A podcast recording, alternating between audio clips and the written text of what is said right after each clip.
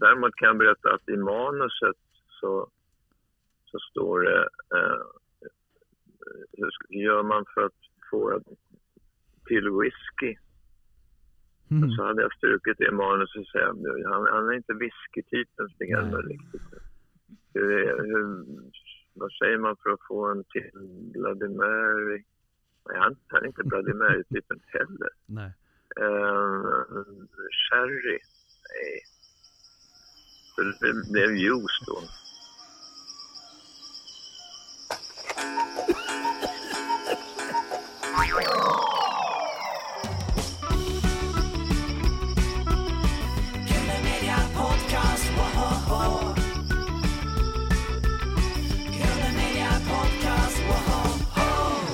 Välkomna till Grumedias sommarpodcast med mig Jakob Olsson. Och mig Henrik Ahlström. Och med mig, Erik Jensen. Eh, har ni det bra så här Ja. mitt i Ja. sommarhettan? Det är varmt. Det är varmt ja. Har ni badat någonting då? Nej, Inget bad. Det det kommer nog. rekommenderas. Ja. Ni kanske är badkrukor? Nej, Nej. jag brukar bara... Mm. Är ni sådana som hoppar i från tians trampolin eller? Eh, Femman har jag hoppat från. Det är så? Ja. Ja. Kan jag avslöja att jag, jag doppar tån i vattnet och smyger i. Inga magplask. Apropå sommarhettan. Vi har faktiskt lyckats slita en eh, sommarsemestrande eh, hjälte från eh, sitt sommarsemestrande. Och nu sitter han och är gäst hos oss här på andra sidan tråden. Ja. Är ni nervösa? Ja. Det här är ju en riktig storhet. Ja. Vad kan man tänka då, då när man är nervös, Jakob? Jag kan podda, jag är inte rädd. Mycket klokt. Vi tar och anropar vem då? Lasse Åberg. Ja, välkommen Lasse Åberg till våran eh, sommarpodd. Tack så mycket. Jätteglad att du vill gästa oss här. Eh, Hur är läget med dig då Lasse Åberg? Det är skönt för att det är inte Ja. så varmt. Jag sitter på verandan här och det har regnat lite och det är friskt och gott i luften. Så att Mm. det, det är strålande. Mm. Hur har sommaren varit så här långt då? Uh, jättefin, tycker Ja. jag. Jag är ju inte så värmekänslig så att jag har uppskattat att vi har badat och haft trevligt. Så att vi bor närheten av Mälaren så vi kan Ja. gå ner på fem minuter. Mm. Ja, vi är jätteglada att du vill vara med oss här. Sen har vi ett dilemma här alltså. Vi eh, eh, ska försöka koka ner allt du har gjort. Jag tänker samla ihop det här konstnär, formgivare, filmskapare, skådespelare, musiker, Disney-samlare. Vad kan man sammanfatta det som då? Kreatör kanske? Ja, jag brukar kalla mig för allmänpraktiserande kreatör eller diverse arbetare. Ja, men jag tänker så här, du som en sån mångsysslare, har du alltid känt frihet i den här spretigheten så? Eller har det ibland varit en stress också att inte kunna välja?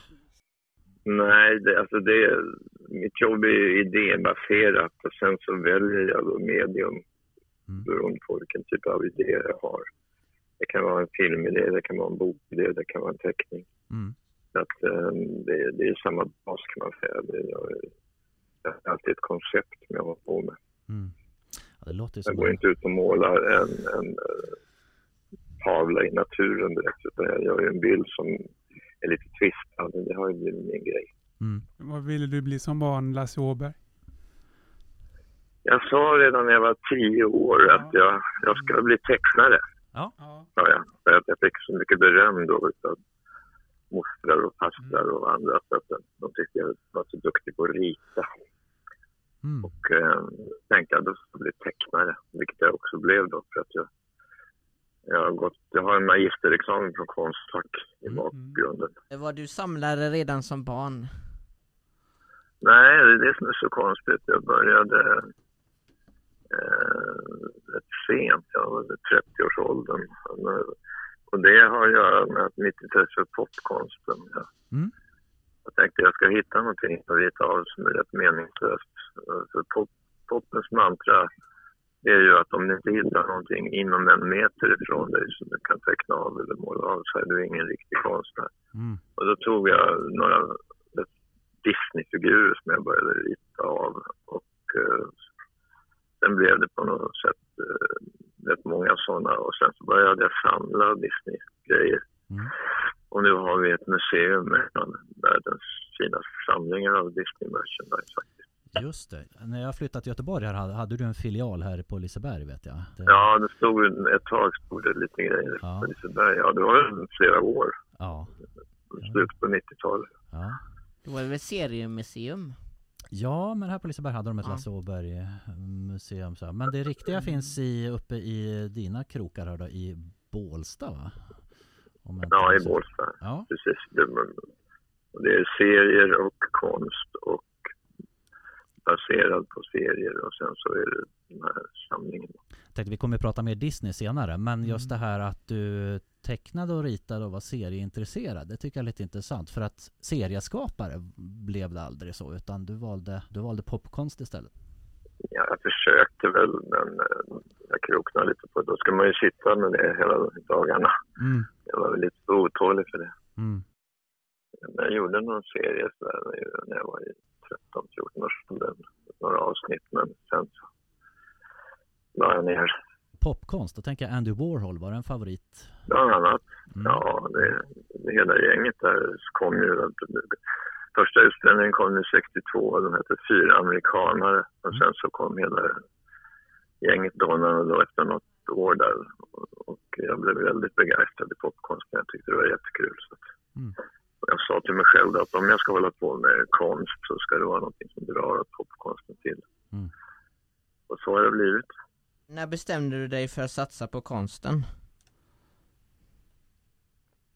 Eh, det var väl eh, efter skolan där så tänkte jag att eh, det kunde vara kul att göra lite fria bilder och inte bara göra beställningsuppdrag eller börja på reklambyrå. Mm. Så då mm, började jag teckna motiv som jag tyckte var kul. Mm. Och sen så tog jag kontakt med gallerier och eh, ställde ut. Och eh, sen dess så har vi väl ställt ut, min fru, fru och jag ställer ut ihop, hon är textilare, Mm.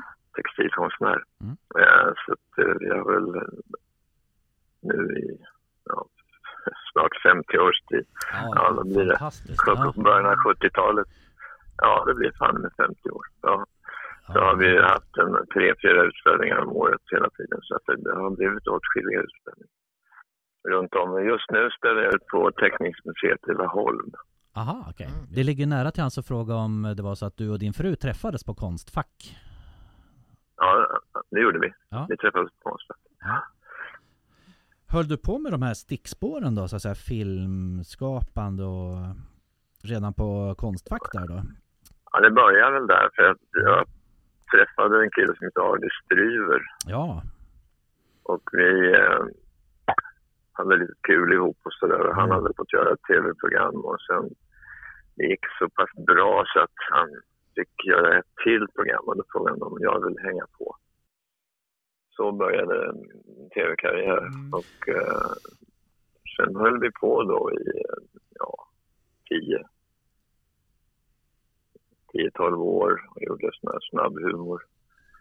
Eh, och gjorde Många program faktiskt. det känns som ni dök upp lite här och var. Svarta dräkter och svarta hattar och stumfilmskonceptet liksom. Ja, just det. Var innan färg-tv.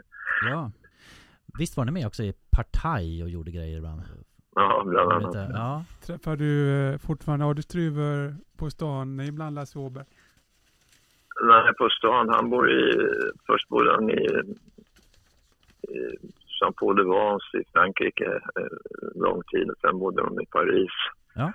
Och sen, nu bor han i Stockholm visserligen, men jag bor fem mil från Stockholm så vi, vi har inte så mycket kontakt. Nej, Nej. Men det var han då alltså som drog med dig in på tv, i tv-mediet? det kan man säga. Ah. Ja, det, Hur gick det till när du blev filmskapare? Eh, Det var ett uppdrag kan man säga. Jag, jag är ju ingen cineast eh, som Lasse Hallström och grabbarna utan Mm. jag har en god vän som hette tyvärr Mm. Bosse Jonsson. Han Ja. lever inte längre men Mm. han eh, och jag träffades så hade, kände att vi har ett uppdrag här att försöka göra en, en svensk komedi som inte är är Åsa-Nisse och inte är 47 löken och sådär. Mm.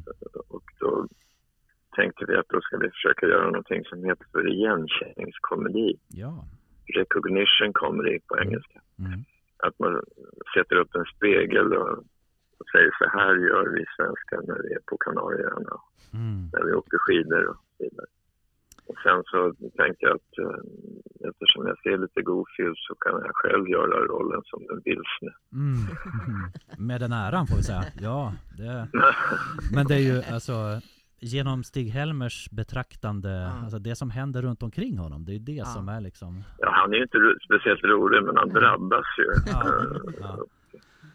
Men Lasse, när du, när du gick till filmbolaget med din idé, eh, tänkte du någonsin att det skulle bli en succé, att folk skulle ta det till sitt hjärta?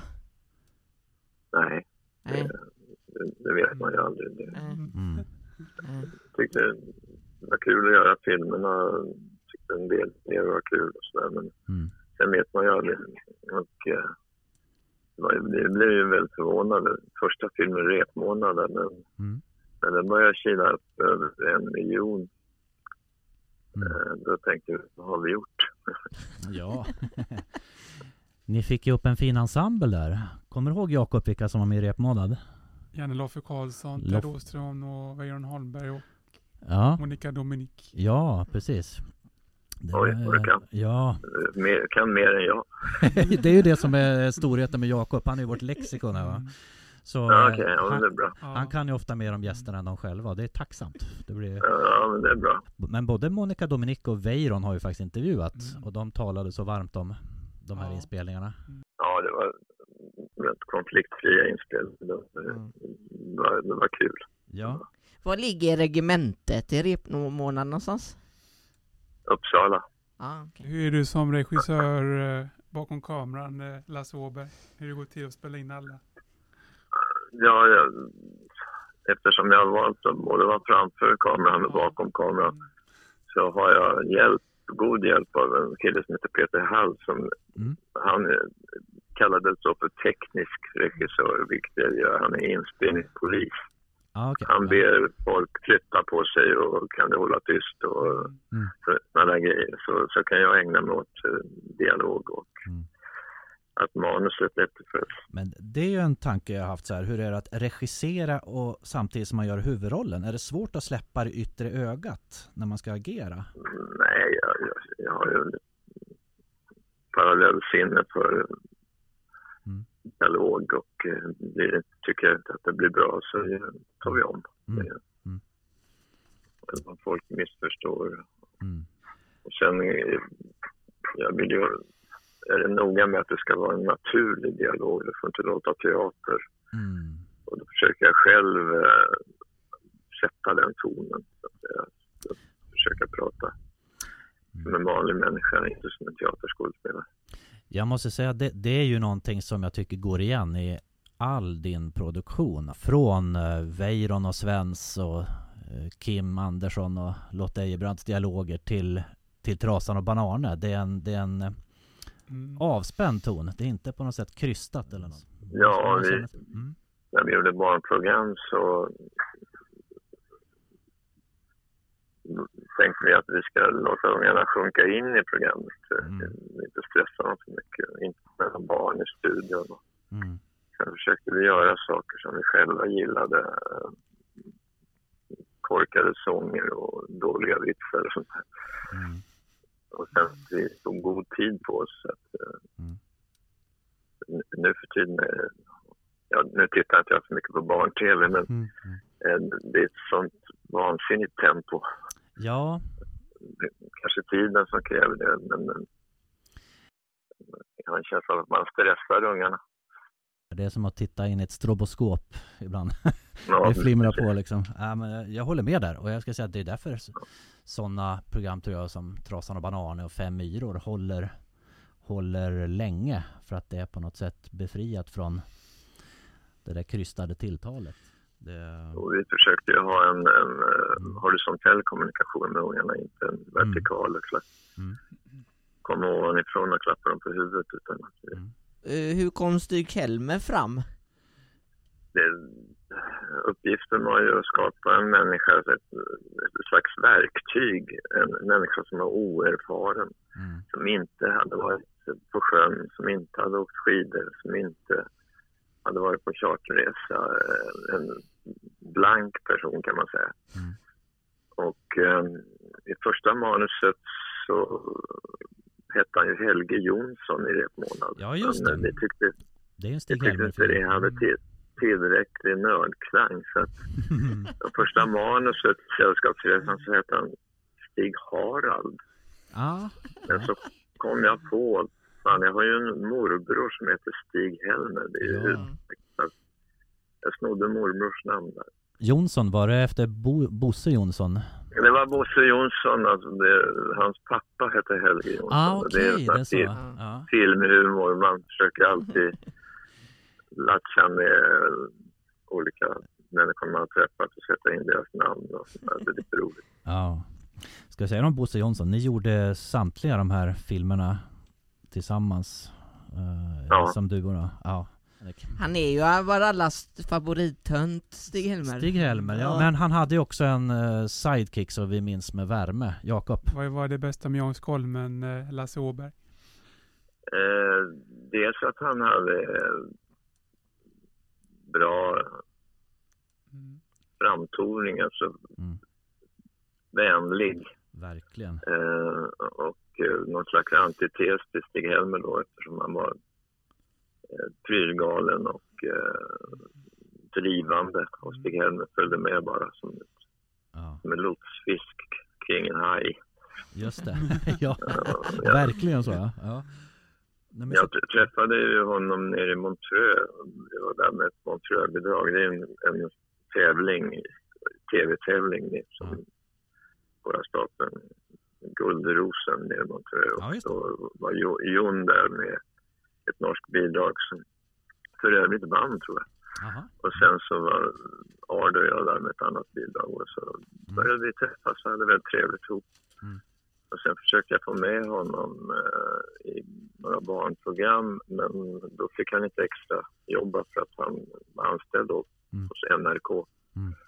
Och de fick inte ta extra jobb. Och, eh, men sen slutade han på NRK och det var precis när, i samband med förberedelserna för första sällskapsresefilmerna. Då, Mm. då tackade han ja. Mm. Och eh, sen Mm. så hängde, hängde han med hela vägen då. Alla Ja, sex filmer. det är vi tacksamma för. Han gjorde ju barnprogram i svensk tv också innan där. Kommer du ihåg Jakob vad Ja, Jonas han gjorde väldigt k- kul, enkla barn. Persiennen. Ja. Persiennen minns och han hade en väldigt ynklig framtoning. Ja, han var bra. Ja, verkligen. Ni hade ju som fantastisk kemi du och Jon. Vad var hemligheten där? Hade ni det direkt liksom? Eller, eller jobbade ni fram det här? Ja, det, när, när vi träffades då nere i Montreux så hade vi väldigt trevligt ihop och hade ungefär samma humor. Visst var han med i någonting som heter Dizzy Tunes? Ja, men han, då jobbade han med en kille som heter Trond Kirkvåg. Ja, De gjorde program ihop eh, och jag tror Jon var ju inte så mycket författare, han var mera skådespelare. Tror att Trond var väl den som hade de galna idéerna. Alltså, så Jon väldigt bra på utföra dem. han slog sig upp och gjorde Bröderna Dahl med, med sina humorkollegor där. Ja. Trond Kirkvåg.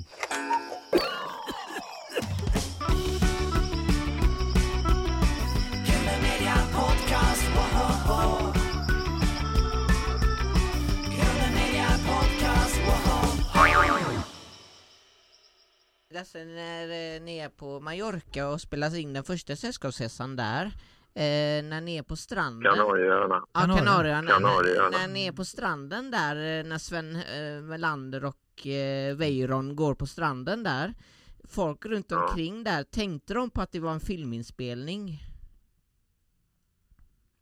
De som, Ja, det tror jag säkert att de gjorde. Ja, De för stranden är ju väldigt väl- mycket med de folk. tittar väl till på Ja, ja visst. Jo, jo det tittar nog till. För att Ja. det, är, det är inte bara de två som går där. Det är ett Mm. team på 25 personer som mm, irrar omkring. Så. just det, men alla i bakgrunden var väl förberedda på att det här är filminspelning. Tänker du? Jo, ja, det jag. ja. Eh, Fick ni ta juicescenen på flyget många gånger när du trycker där på eh, juicen där Lasse Åberg? Jag tror inte det. Mm. Eh, Jag har ingen minne av det. Jag vet att de, de flesta omtagningarna det var i en skidbacke nere i Verbier. Där vi, jag tror jag gjorde 16 omtagningar, vilket är mitt rekord. Eh, Snow, snowroller. Men däremot, däremot kan jag berätta att i manuset så, så står det eh, hur gör man för att få en till whisky? Mm. Så hade jag strukit det manuset och säga han, han är inte whiskytypen Nej. riktigt. Hur, hur, vad säger man för att få en till Bloody Mary? Nej, han, han är inte Bloody Mary-typen heller. Nej. Uh, sherry? Nej. Så det blev juice då. ja. Och det manuset ligger, ligger uppslaget på museet och jag har gjort en Aha, okej. världens enda och minsta Stig-Helmer-museum där. Ja, Ett ja, litet rum. det får man Man kan kolla. titta på kläder och rekvisita. Ja. Aha, så det var alkohol inblandat från början där, men han... eh, Ja, men nu tog Melander hand om den saken. Ja, just det. Med, med äran verkligen. Eh, Lasse, den här eh, scenen med snorrolen när Stig-Helmer river alla skidorna. Eh, var det Ja. många omtagningar på den? Nej, det räckte med en faktiskt. Ja, för Det det, är bra. väldigt rolig scen. Ja, klockrent. De rubrikerna. Ja. Snowroller var ju en uppföljare då. mm, Som också verkligen slog an. Men kände du en press att göra en uppföljare till en sån succé som första Sällskapsresan? Nej, det, det gick ju bra. Vi tjänade ju pengar på det så att eh, Ja. varför inte försöka göra samma typ av film fast byta miljö. Mm. Och, eh, sen gjorde vi ju seglingen, golfen. Mm. Golfare ja. ja. Eh, hur var det att jobba med Staffan och Bengt, eh, Lasse Åberg? Ja, det var kul. Ja. Då, då bytte jag karaktärer på den för egentligen är ju Staffan den som är Just drivande i det paret. Men jag, jag bytte karaktär på dem. så Det blev Bengt som drev på. Staffan var ju väldigt tyst och blyg. Hedlund. Ja. Ja, Hedlund. Ja. Hedlund. ja, det är fantastisk prestation. Hur upplevde de det då? Eh, Som hade då gjort Sant och sånt. Där de hade de där fasta rollerna liksom. Ja, precis. Var det lätt? Nej, de tyckte det var kul. Ja. De tyckte det var spännande. Ja, ja. Du är ju sjukligt blyg. Ja, Ja. vet du vad du har problem med Hedlund? Ja, Timing, taskig timing. Eller? vad? Ja, underbart. Eh, du vet den eh, när du flyger in och fastnar i reklamskylten där? Eh, är det en stuntman som fastnar där eller som åker med den här, eh, när du åker med en skida? ja, ja. eh, Hangglider är en stuntman. Ja, och så är Men det däremot stunt... var det ju, Mm. det var jag som satt i skylten. Ja.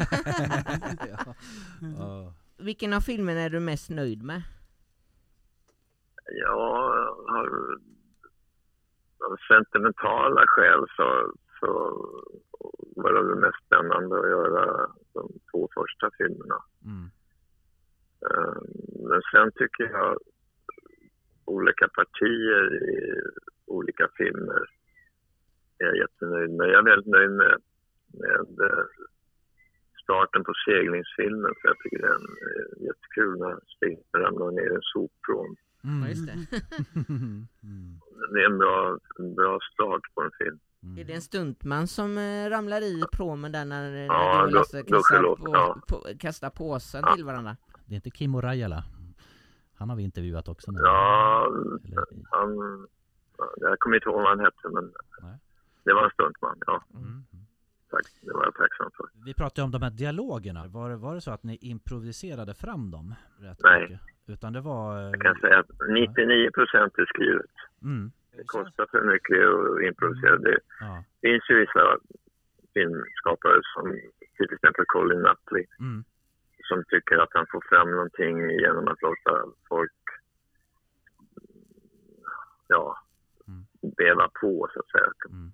Men eh, det tar för lång tid va? Mm. om man ska vara effektiv tycker jag. Just det. Det är 99 procent är skrivet. Det är ju Men fantastiskt. Ja. sen gäller det att få- det att låta naturligt. Det är en, det en, det en regiuppgift. Alltså, jag tänker liksom Weiron eller Sven eller Roland Janssons ilskna utspel. Det känns ju som det kommer direkt inifrån dem. Så att det är ju verkligen specialskrivet på något sätt.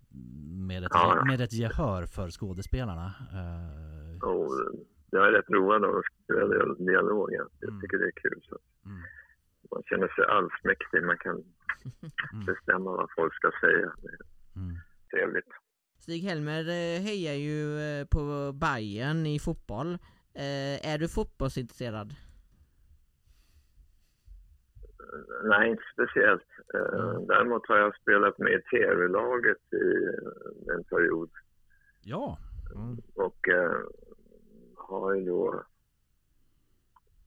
spelat med och mot en massa legender. Mm. Och det är synd att var just jag, att jag är inte så sportintresserad, men jag tror att folk skulle sälja sin mor för att få spela med Nacka Skoglund och Gunnar Gren, Oj, oj, oj. Ja. Torbjörn Nilsson, ja, men visst. Kalle Svensson. Ja. Jag kommer ihåg er när ni kom till Härnösand där jag växte upp.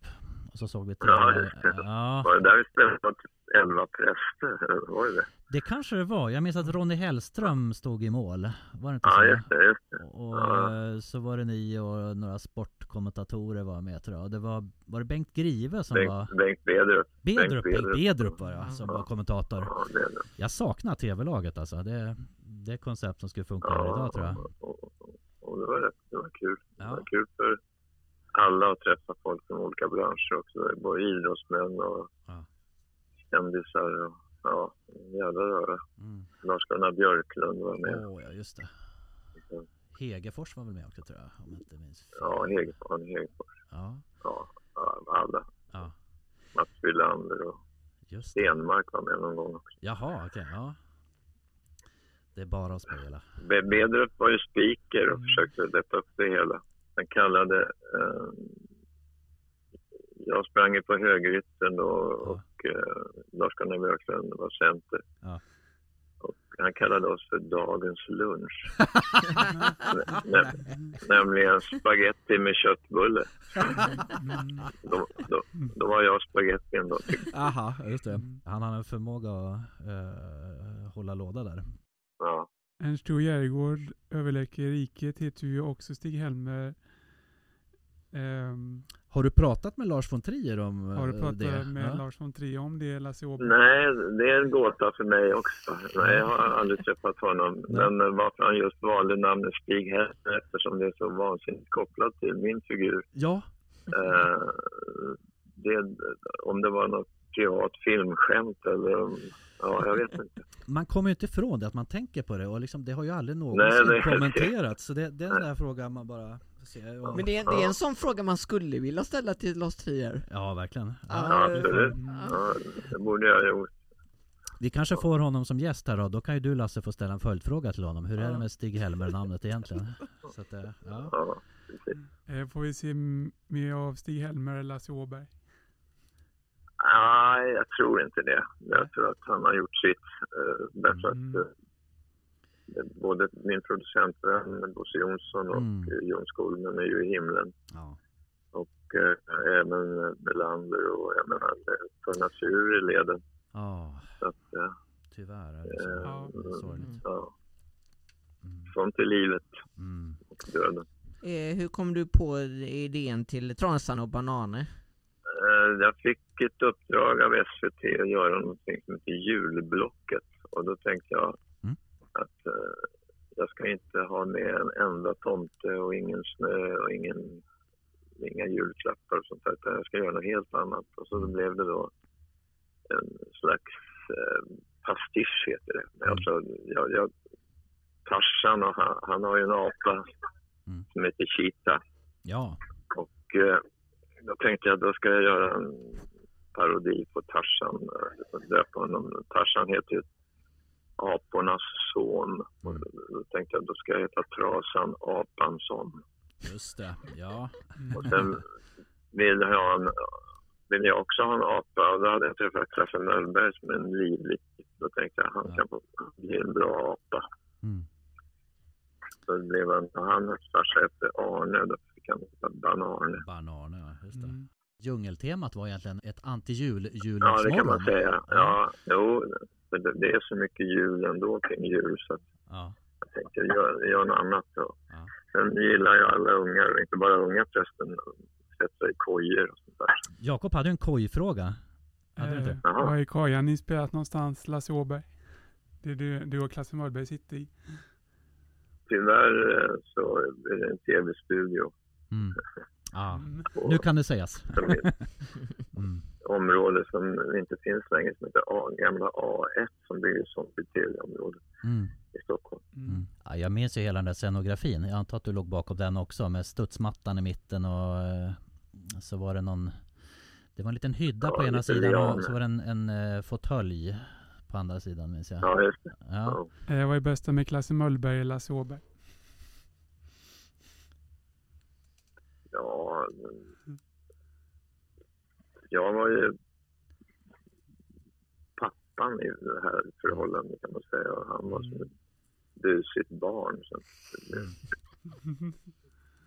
det var ju, vi försökte få fram den kemin att han var en uppfinningsrik och hittade på saker. Mm. Och jag var lite mer tillrättavisande. Mm. Det känns också som ett program som har åldrats bra. Tyvärr så finns ju inte alla program kvar. Det är lite synd. Eh, Det blev ju raderat där har jag förstått. Men det... Ja, de här tretumsbanden som de här programmen spelades in på, de var ju väldigt dyra. mm. Och eh, eh, de hyrdes ju till och med utav SVT, eller Sveriges Radio som hette på den tiden. Hyrdes in. Och sen så när man hade spelat in vissa program så tänkte man att man ska återanvända dem. Mm. Så då avmagnetiserar man dem. Och eh, då av misstag då så stack våran serie då. Det var någon som byråkrat som satt och halvsov och gjorde en kråka i fel kolumn och så vips var de borta. Mm. Men då fick vi göra en ny serie som var sponsrad av Trafiksäkerhetsverket och då uppfann jag en figur som har skrämt ihjäl alla Sveriges barn som heter Ja, Olyckan. ja. Olyckan ja.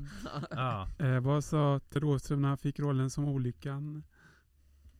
Ja, då tyckte han det var jättekul men nu klagar han varje gång vi ses Nej. att han är för intimt förknippad med Olyckan. Det är ungefär som Inge Nilsson med Pippi Långstrump. Tjorven. Ja. Tjorven, ja. Det, Ja. man är väldigt för kopplad till sin figur. Ja. Men då får vi skylla på Trafiksäkerhetsverket då. Eh, och in, Mm. Ja, det får vi göra. Ja. Ja. Nej, men den, den gjorde han ju med bravur. Men jag minns att man blev lite rädd. Eh, och he, det var något med Ja, hela den är här... väldigt, inten- väldigt intensiv. Ja, Ja. man tittar ju både till höger och vänster när man gick över gatan därefter. faktiskt. Att det, det satte ju sin... Satte ju, skulle dyka upp. ja, ja visst. Blev det många omtagningar när ni gjorde Pulver och Nico? Nej, det, det kommer jag inte ihåg. Att Mm. det, det var... Vi, vi sköt nog friskt där. Var den inspelad Ja. någonstans? Um, de eh, gjordes både i studio och på Gotland faktiskt. Aha. Vi hade en inspelningsperiod på Gotland. På en bänk på Gotland. Ja. På någon gärdsgård. Mm, just det. Sen tycker jag en annan kul grej är ju faktiskt att eh, ni hade ju en regissör där som heter Peter Goldman. Och eh, det är ju ett väldigt intressant CV han hade här då för att han hade ju alltså regisserat promofilmerna till Beatles, eh, Straw- Ja. Strawberry Fields Forever och Penny Lane. Eh, Ja, så jag, det, jag tycker det är häftigt att kunna skriva Beatles och Trasan och Banan i sitt CV. Så. Eh, Ja, spännvidd. pratade ni med honom om den, den biten så? Ja, vi snackade om det. Mm. Ja. För han tillförde, det var en häftig estetik där, när Banarne blir hemliga Arne. Det var ju en scen som var så här lite pir- spännande. Ja, det är en Dr Jekyll och Mr Hyde Ja, avdelning. expressionism. Eh, hur går det till när du och Janne Schaffer skriver eh, låtar? Jag skriver texten eh, och sen så skickar jag den till Janne och så skriver Janne en melodi. Mm.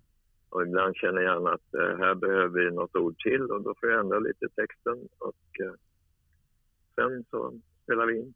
Mm. Mm. Det är en lång vänskap ni har där du och Janne. Jag har förstått att ni har känt varandra länge. Ja, vi träffades i något program som heter Gitarren Mm. första gången och då snackade vi om 63 tror jag. Mm. Så det är några år sedan. Mm. Då var ni inte födda. Nej, du, det Nej. var en bra bit till dess. När är ni födda grabbar? 83 är jag född. 80, det är strax efter sista Trasan och bananer tror jag, den kom Ja. väl 82 va? Nej Och du är född Jakob. Du Jakob? 82. 82 också, ja. Mm. Men eh, det har ju blivit barnmusikal också. Var det så att ni, du och Janne slog era påsar ihop igen då? Ja, vi fick ett erbjudande från Malmöoperan. Mm. Och eh, försöka göra någonting av våra låtar och leva in dem i en, någon slags historia. Mm. Det blev en musikal som heter Banankontakt. Ja.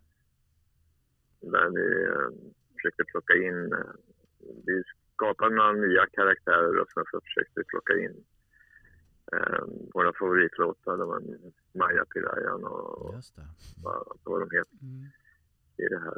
Vi uppfann då några nya karaktärer som Öken till exempel. Mm. Mm. Sahara Sara.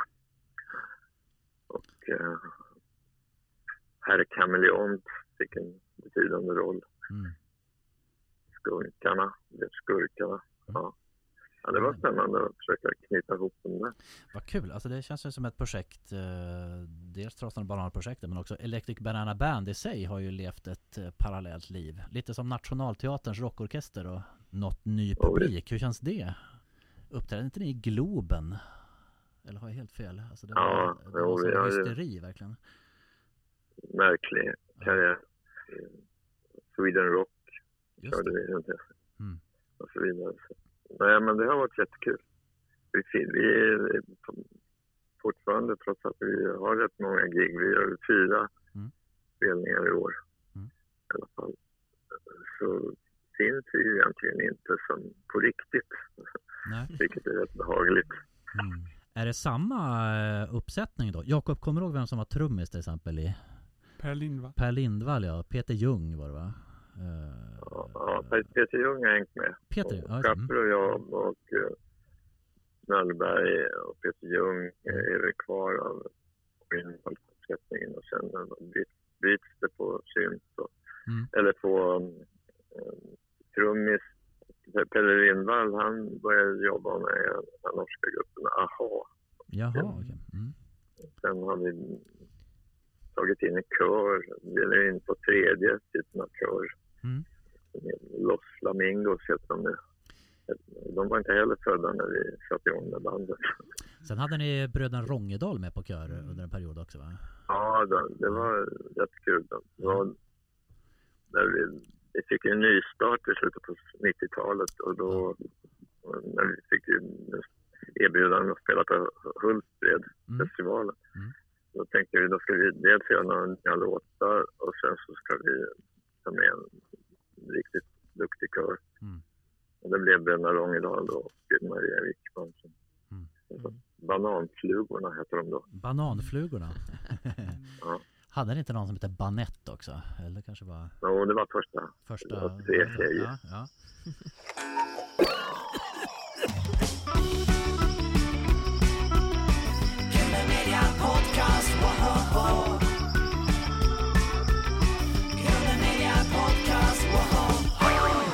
En låt som jag minns som också blev eh, förlaga till ett helt tv-program var ju Svampen. Ja, det fanns en låt. Ja. Sen så gjorde jag någon slags... Eh, jag var ju lite Elsa Beskow-inspirerad. Ja. Hatt, typ Hattstugan. Hattstugan ja. ja. Ja. Jag har en minne av att du, du går till tunnelbanan och så säger du skogen tack. Och så hamnar du i skogen. Ja, precis. Ja. Ja, just. Ja. Jakob, kommer du ihåg vilka som gjorde sketcher i Svampen? Björn Skifs, Magnus Härenstam, Pia Gren. Det var ett fint gäng du fick ihop Ja. Ja. Chips var med tror jag. Björn Skifs ja. ja. och Sven Melander. Ja, just det. Sen tänker vi nu på ett, eh, alltså för, för oss viktig milstolpe i tv-historien. Det är när du började sända Disney Time. Ja, För mig var det ett efterlängtat som jag älskade Kalanka och så här och det blev mer Disney Ja. TV och så tycker jag du ramar in det så fint med din kunskap. Så det var jag är välkommet. väl- Mm. lite folkskollärare. Där kommer din magisterexamen kanske fram där va? Tänker jag. ja. Eh, hur började ditt eh, Disney-intresse? Alltså, var det att du såg någon Disney-figur eller någonting? Eh, när jag var liten i ett slags murrigt gråsvart, brunt 40-tal. Mm. Så var ju de här filmerna som kom före matinéfilmerna. Det var ofta tecknade förspel och de var ju jättekul. Mm. De här glada figurerna med Musse Pigg och Kalle Anka och Mm. liknande. Så, och då, då fick man ju en slags kärlek till figurerna. Sen kom ju tidningen 48. Mm. Jag var i den slukaråldern. Första Kalle Ankan kom i, på hösten 1948. Mm. Och det var ju också jättekul. Mm. Har du det numret? Ja, det ligger på musik. Ja. Men jag vet ju att du är Fantomen-fan va? Ja, det kan jag väl inte säga, men vi har gjort en utställning om Fantomen och jag har träffat uh, Liv Fåk. Läste du Fantomen när du var liten? Ja, visst jag lite. Alla serietidningar jag kom över.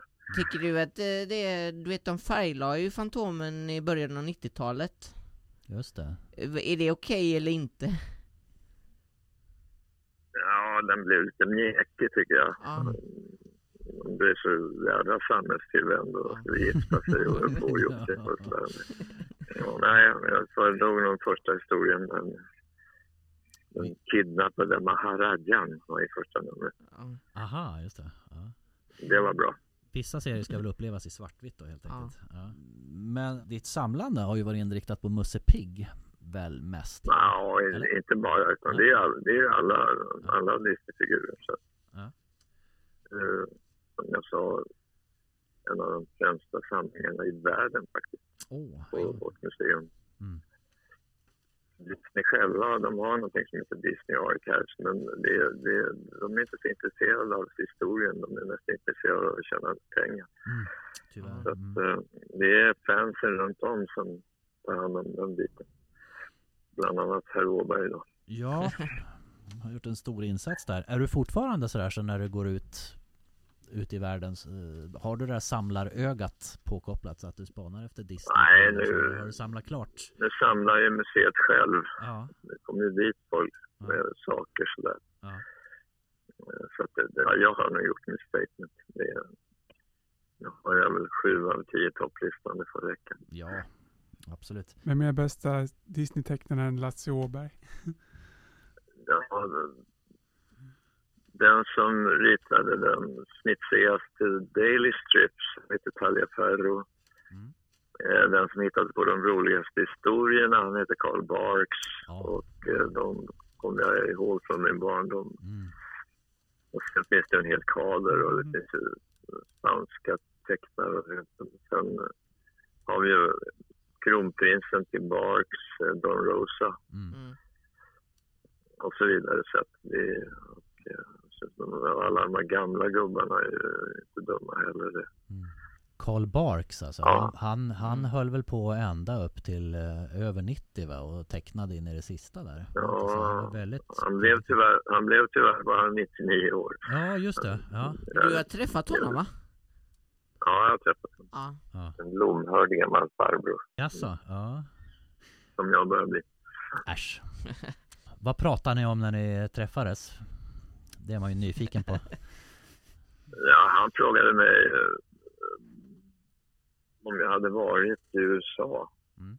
Då sa jag att jag har, eh, ja, jag har ställt ut i New York och jag har åkt lite skidor i Colorado och sådär. Så Mm. sa han, well then you have seen more of the states than I have.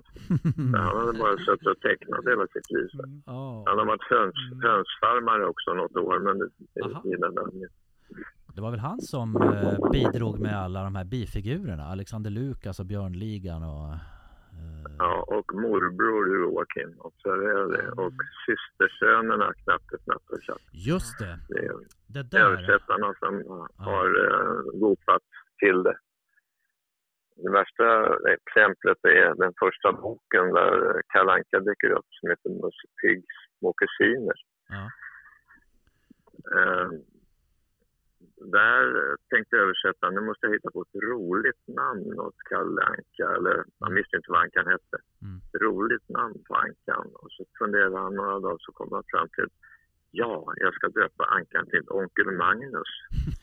Mm. Han heter, han heter Onkel Magnus i första boken. Jaså, det är så? Ja. Mm. För mig är det så inrotat att det är brorsöner, men det är alltså Knatte Fnatte Tjatte är alltså Kalle Ankas systersöner. Ja, det är Mm. Kalle Ankas syrra Della. Mm.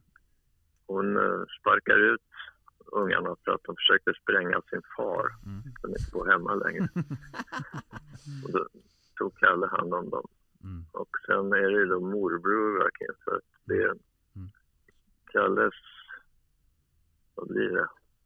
Uh, Hortensia heter Han är syrra till Hortensia som Hortensia, är aha. moster då det blir morbror. Ja, ja.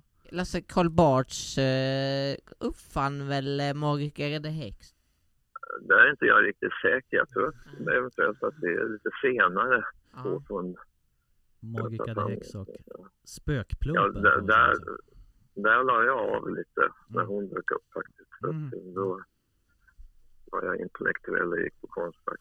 Eh, du känner ju Sture Hägerfors. Ja, ständig kontakt. Pratar du serie med Sture? Ja, vi, han eh, och jag hade en gemensam samling som vi skickade runt seriekopplingar som har varit Ja. på över 40 länsmuseer och konsthallar. Så Jaha, okej. vi pratar mycket serier. Ja. Nu i sommar ska vi Mm. ner på Skillinge seriefestival, Ja. både Sture och jag. Okej, ja. Den här eh, samlingen då, den, den eh, går fortfarande runt? och- Den, den, den, den hänger numera på Åbergs museum. Okej. Mm. Ja. Sture är ju en sån eh, önskegäst vi har också, så vi, Ja. vi Ja. kan ju försöka ring, ringa honom framöver här. Ja, gör det. Han ställer nog upp. Ja, Eh, vad gör dig glad, eh, Lasse Åberg? Eh, trädgård, Mm. god mat och eh, konstiga djur på tv. mm. Och eh, ja, lång, långa promenader. Mm. Är bra för mig. Mm. Och sen att eh, få teckna. ja. Jag har en devis, inte en dag utan ett streck. Ah, jag har precis gjort en bok nu som är, Mm. handlar om havet. Havet är din bästa kompis. Mm. Vi håller på att förstöra havet. Mm. Ska, du ska väl till bokmässan i höst va? Ja, Ja. Kommer vi att se en release på boken eh, senare i höst då kanske? ja, den ska med på mässan i alla fall. Ska, Det låter som det är lite miljötema. Jag har förstått att du är miljömedveten. Ja. Mm. normalt miljömedveten. Ja, det här är ett uppdrag från någonting som heter Voice of the Ocean. Mm. Eh, och då försökte jag göra det på ett rättsamt sätt med teck- roliga teckningar och grejer. Mm. Det var ett kul uppdrag. Det känns, känns viktigt också. In- Informera barnen om vad vi håller på att göra Mm. med havet. En sak du sa en gång i tiden som jag har burit med mig. Du sa det att jag är inte teknikfientlig, jag är teknikavvaktande. Ja, det, Det det tyckte jag var var så fint. jag som Ja. vi gjorde en bok, Ja. en nödbroms. Mm. En handbok för framsynta bakåtsträvare. Åh, den har jag missat. Den ska... Nödbroms. Ja, Mm. ja, det finns Eh, kanske på bibblan. Men så här, du jobbar med dator och eh, ringer från mobil och sådär. Ja, det här... Jag har en padda. Ja. Jag har ingen dator. Jag tycker paddan är jättetrevlig. Ja. Ja, Frågar man Claes Eriksson så tror jag fortfarande inte han har mobil. Utan då ringer man hemifrån och så här. Så det, det samma Sture. Sture det är så? Ja. det här är också, det, det nummer du ringde nu är också vårt fasta telefoninummer. Mm. Mm. Och eh, Sture är också fast nummer. Eh, vad är du mest stolt över din karriär, Lasse Åberg? Ja, det, det är väl eh, det som har gjort mest avtryck. Som har kommunicerat mest med folk. Barnprogrammen och filmerna. Mm. Eh, Men även museet. Det, det, det var ingen lätt uppgift man tog på sådär. Starta ett museum. Mm. Är du där och jobbar i museet fortfarande? Ja, ja. Mm. Men det, det är svärdottern som är chef. Mm. Mm. Sonen är där också. Så. Mm. Det är familjeföretag. Eh, vad händer mer, mer i höst? I höst, eh, har väl inget gig än så länge, men nu ska vi spela nere i Halmstad. Mm. Och sen ska vi spela i Norrtälje och sen ska vi spela i Söderhamn. Electric Banana Band alltså. Det Ja. rekommenderar vi folk att gå ut och lyssna på och dansa till. Det förenar barn och, ung, barn och vuxna. Familje. Det är verkligen familjeunderhållning. Ja. Vi är tacksamma att ni finns fortfarande. Eh, Lasse, är du beredd på lite fem snabba? Ja, okej.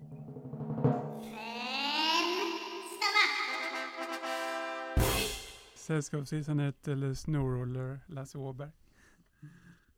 Ja, jag, jag är så mitt inne i de här projekten så jag har svårt att välja. Snowroller och en fantastisk inspelning. Um, med Valier och... Mm. Nej, men vi, ja, vi... Av sentimentala skäl så säger jag att Sällskapsresan 1. Mm. Eller finns det svenskt kaffe på grisvästen? Just det, den har ju en, eh, en, en längre titel. Filmskapare eller konstnär? Där är jag väldigt ambivalent. Jag älskar att få nya uppgifter och byta. Mm. Man inte hamnar i i rutinträsket. Mm. Pinto Kolvig eller Clarence Ducky Nash? Ja, där vet ni mer än jag, men eh, Nash har jag faktiskt träffat. Har du det? Ja. Ja, Den som gjorde Kalankas röst och Långbens röst. De två. ja. Mm. Om jag säger Ducky Nash eller Per-Erik Hallin? ja. Per-Erik är duktig på det där. Jo. Vi känner, vi Ja. känner honom lite. Ja, Han är duktig Ja. på att härma Kalle Anka. ja han var ju Sveriges Kalanka på, på 80-talet i alla fall. Sen var det, Ja, ja, han är bra på det. Han är, hans största merit är väl att han har kompat Elvis. just det. Mm. Fantastisk gospelpianist också. Och han, han är ju kommit från Mm. Frimicklargänget. Mm. Eh, Don Rosa eller Carl Barth? Ja, Det är farbror Bach tycker jag. Mm. Banjo eller gitarr. Ja, jag har, spelar ju en gitarr fast det är en banjo. Ja, det är en gitarrbanjo då. Ja. Ja, en gitarrbanjo. Jag har ju spelat tenorbanjo också. Mm. Och tenorbanjon ska man ju ha om man lirar Dixie och sånt där. Men Mm. när jag lirar med klasser så är det ju en gitarrbanjo. ja, precis. I, eh, som Trasan är Det är en hybrid. Mm. Eh, sommar eller vinter? Ja, med tanke på hur vintrarna ser ut här i Mellansverige så är det sommar. Mm. Ja, det är bra. Lasse, vi har faktiskt en följdfråga från en tidigare gäst. Tjenare, det här är Gry Forssell. Jag undrar, vad lägger ni på grillen i sommar?